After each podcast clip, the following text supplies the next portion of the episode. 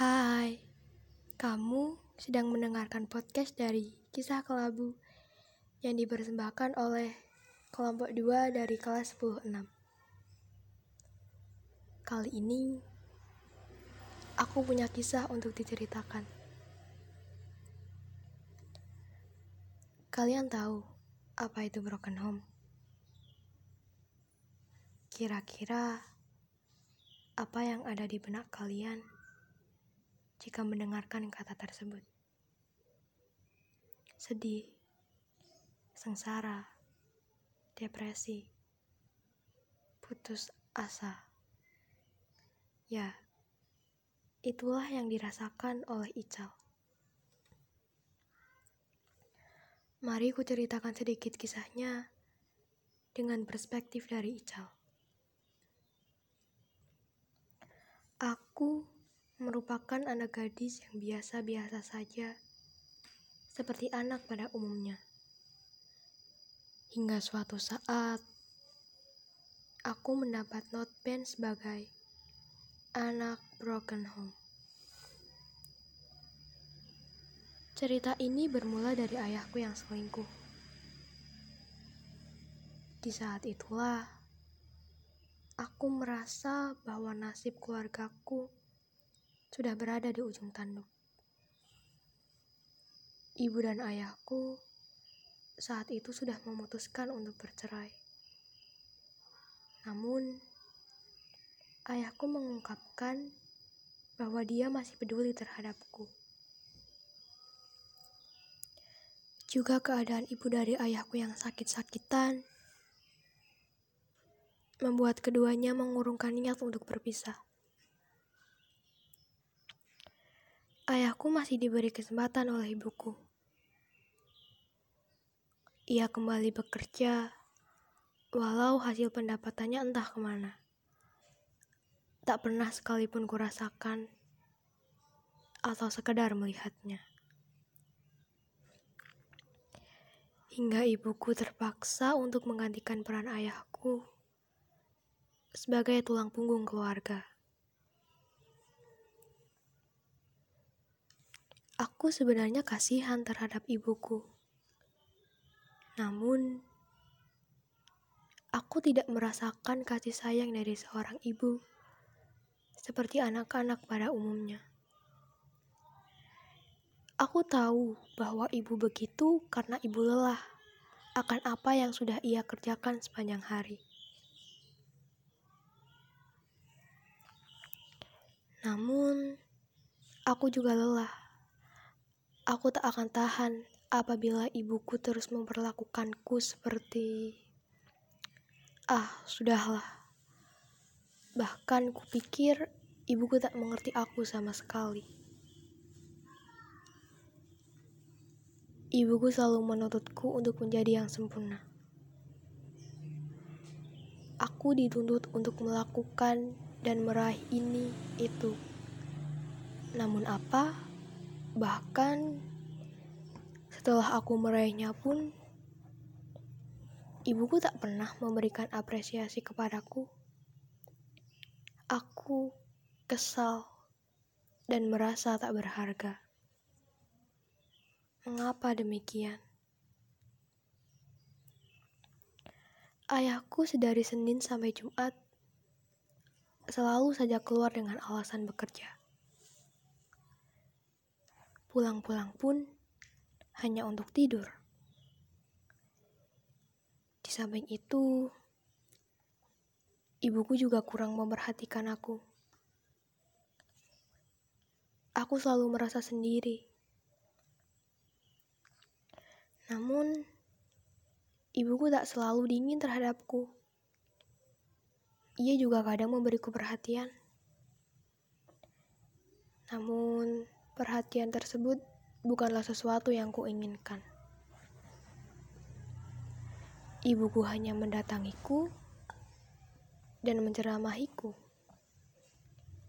Marah-marah. Aku memang sudah terbiasa dengan perilakunya yang seperti itu. Hingga suatu saat, Ibuku pernah mengatakan sesuatu yang jahat yang tak akan pernah kulupakan. Mau ngapain kamu ntar? Mau jadi pelacur? Begitulah kira-kira yang ia katakan.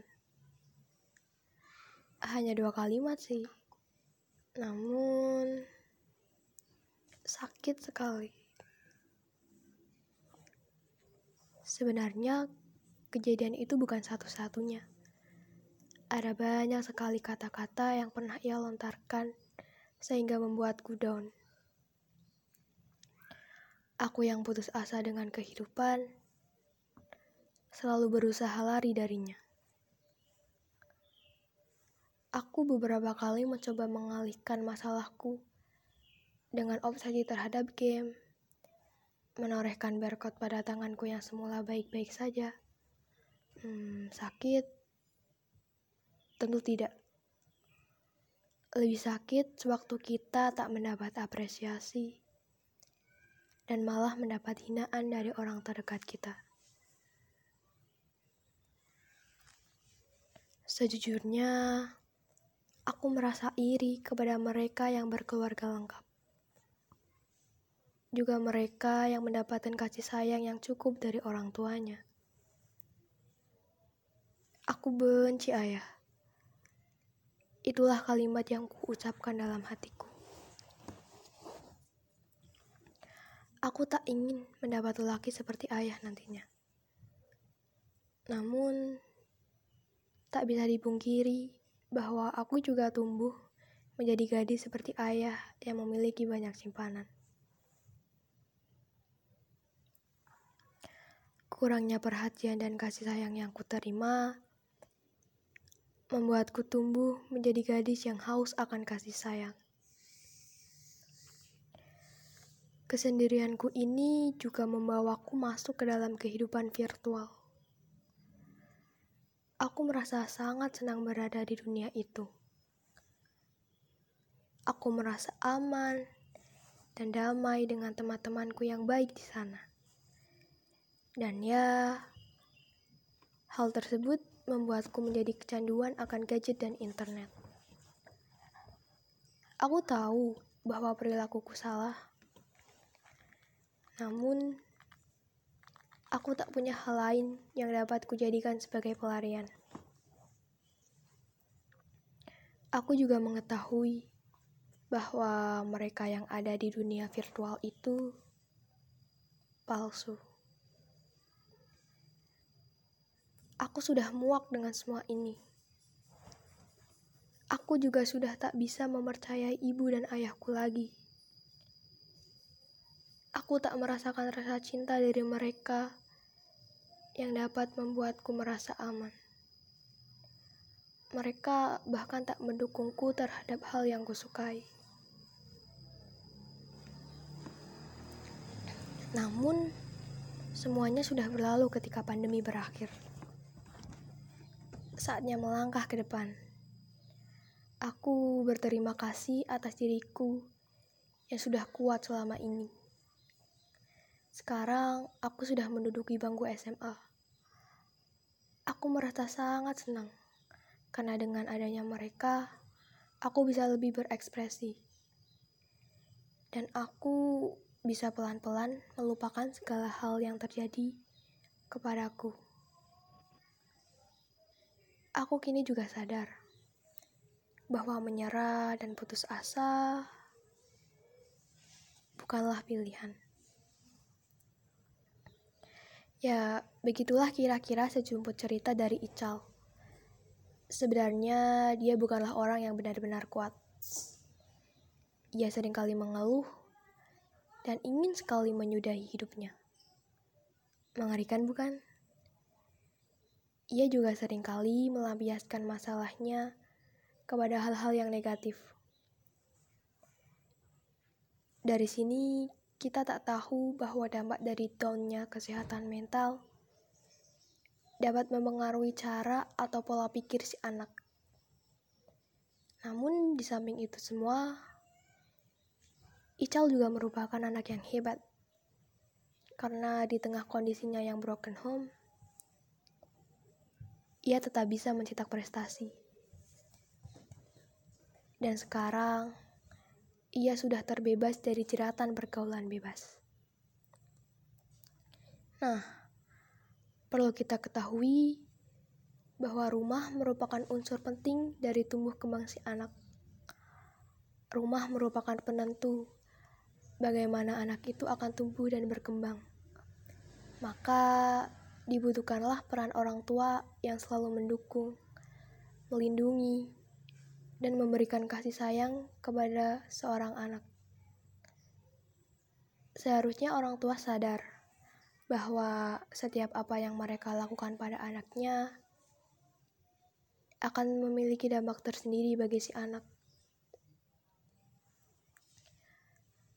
Tidak hanya perbuatan saja, namun apa yang mereka katakan juga mampu mempengaruhi mental seorang anak tersebut.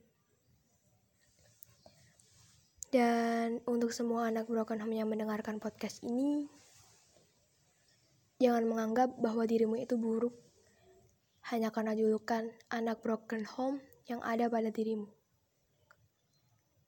Teruslah melangkah dan melakukan hal-hal positif yang membuatmu bahagia. Karena apa? Karena kebahagiaan adalah hak kita semua. Semangat buat semuanya. Dan terima kasih telah mendengarkan podcast ini sampai selesai.